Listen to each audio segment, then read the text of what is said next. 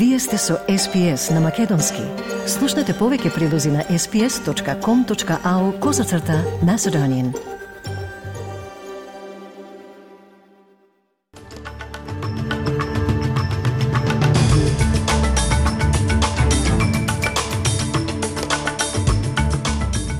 Благодарам Ана во денешниот билтен 4-дневниот прекин на огнот меѓу Израел и Хамас ки започне. Во Перт продолжува да се развива вонредна состојба од шумски пожар со очекувани високи температури. И македонскиот премиер Димитар Ковачевски повтори дека во мај има доволно простор за да се одржат редовни председателски и парламентарни избори. Слушајте не.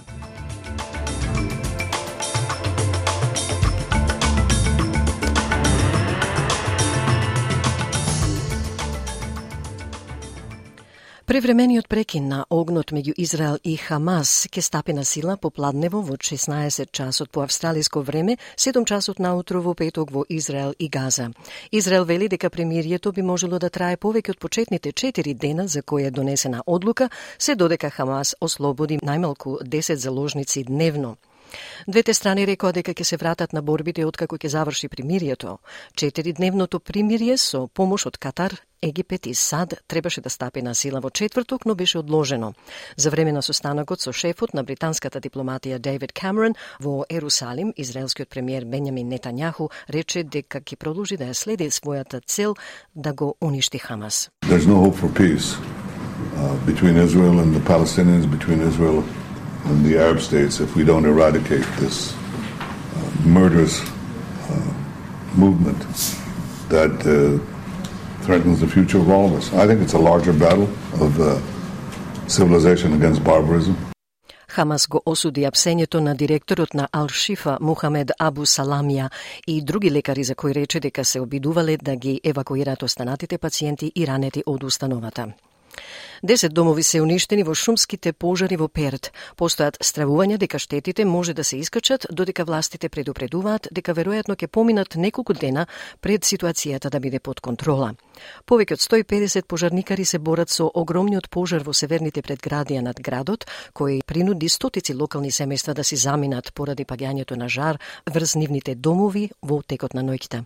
Комесарот на Оделот за пожари и службите за вонредни состојби Дарен Клем вели дека пожарот ги пробил линиите за задржување во раните утрински часови во четвртокот, а пожарите избувнале околу 1 километар пред огнениот фронт. Uh, we do have uh, continue to have significant fire weather uh, ahead of us uh, over the course of the rest of today uh, and the next two days. Although we are uh, looking at a forecast that does that does show a, re- reduction in wind strengths uh, over the next uh, 24 to 48 hours. Австралиските власти истражуваат како група од 12 лица пристигнале на оддалечен дел од западноавстралискиот брег, откако патувале со брод од Индонезија.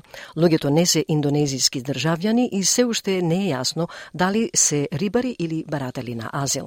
Австралиските гранични сили засега одбиваат да коментираат. Бродот не беше откриен и пристигна во Уиндем, Ист Кимберли Шаја, на северот на државата. Областа е исклучително оддалечена и три часа од најблиската населба. Председателот на општината Уиндем, Дейвид Мензел, вели дека не е изненаден од ситуацијата и дека во последните месеци биле пријавени илегални рибарски бродови во областа. Пет лица се повредени по напад со нож во Даблин, Ирска. Портпаролот на ирската полиција Лиам Герати вели дека се чини дека станува збор за изолиран напад и не е поврзан со тероризам. Preliminary indications are that a male attacked a number of people on Parnell Square East. Five casualties have been taken to hospitals in the Dublin region. Жена на возраст од 30 години и маж на возраст од 50 години се згрижени во болница поради тешки повреди. Момче на 5 години и девојче на 6 години биле хоспитализирани со помалку сериозни повреди, а момчето во меѓувреме е пуштено од болница. Во Холандија земјата се справува со последиците од општите избори на кои екстремно десничарскиот антиисламски популист Герт Вилдерс се упати кон убедливи парламентарни избори. Резултатот го става на линија да ги води разговорите за формирање нова владеачка коалиција и евентуално да стане премиер на земјата во време на политички пресврти низ поголемиот дел од Европа. Тој ги повика другите партии конструктивно да се вклучат во коалицијските разговори и зборуваше за неговиот фокус на имиграцијата. Најблиската партија до партијата за слобода на Вилдерс е сојузот на левичарската лабористичка партија и Зелената левица, за која се предвидуваше да освои 26 пратенички места. Изборната програма на Вилдерс вклучува повици за референдум за напуштањето на Холандија од Европската Унија, целосно запирање на прифаќањето на барателите на азил и враќање на мигрантите од холандските граници. Тој сепак мора да формира коалициска влада пред да ја преземе власта, што може да биде тешко. Овој холандски гласач Норберт ван Билен ја понуди својата реакција, велики дека многу луѓе се многу фокусирани на еден конкретен проблем, а тоа е имиграцијата.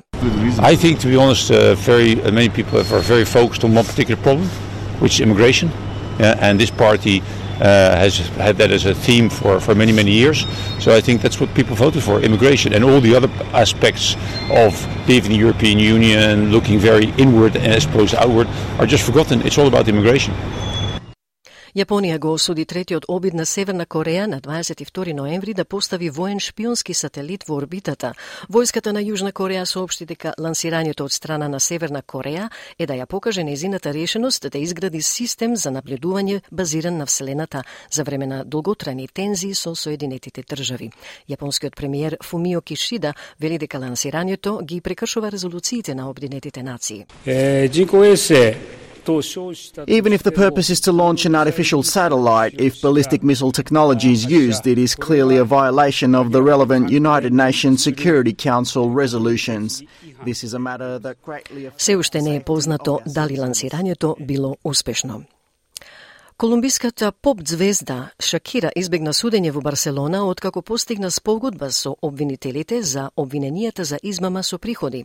Обвиненијата покренати велат дека поп звездата не платила 24 милиони долари данок на доход во Шпанија помеѓу 2012 и 2014 година. Шакира ги прифати обвиненијата како дел од спогодбата и ќе плати казна од над 12,2 милиони долари, 50% од она што таа не го плати.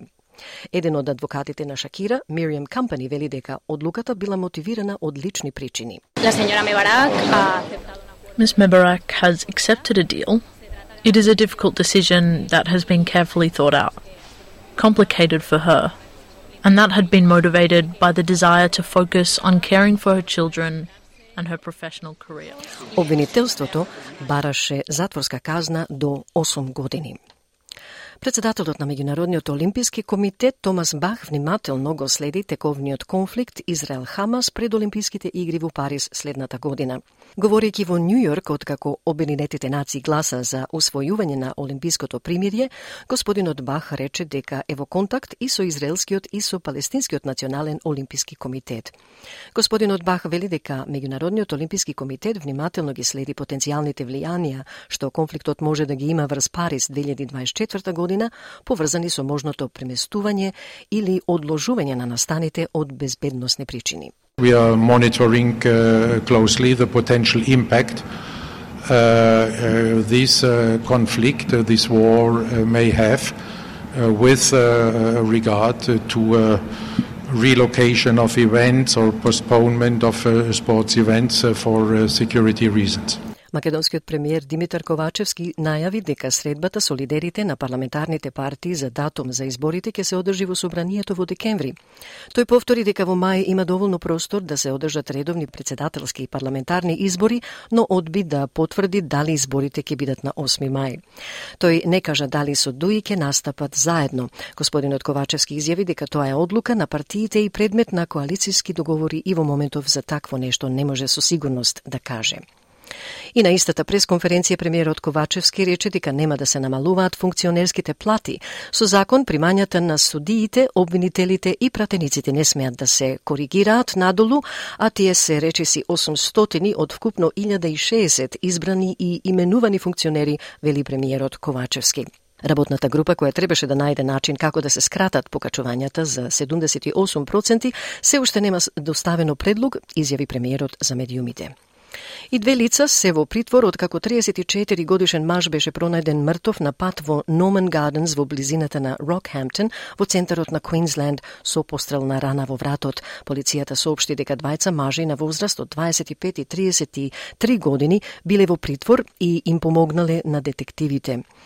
И двајцата се обвинети за повеќе дела, но не и за убиство. Запленети се и две возила, а еден од уапсените во тој момент бил во еден од автомобилите. Полицијата соопшти дека истрагите покажале дека лицата вклучени во фаталното пукање може би патувале во двата автомобили.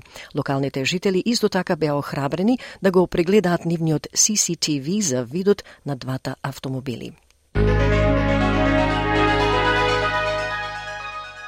И од најновата курсна листа денеска еден австралиски долар се менува за 0,60 евра, за 0,65 американски долари и за 36,62 македонски денари.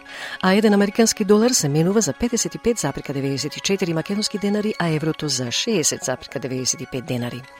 И временската прогноза за утре за Пет претежно сончево 39, за Аделаид врнежливо 20, Мелбурн врнежливо со услови за можна бура 27, во Хобарт силни врнежи од дожд и до 20, Камбера дожд и можна бура 26, во Сиднеј 26 и врнежливо, Бризбен делумно облачно 26 и во Дарвин повремен дожд и можна бура 33, а во Алес Спрингс делумно облачно 34 степени.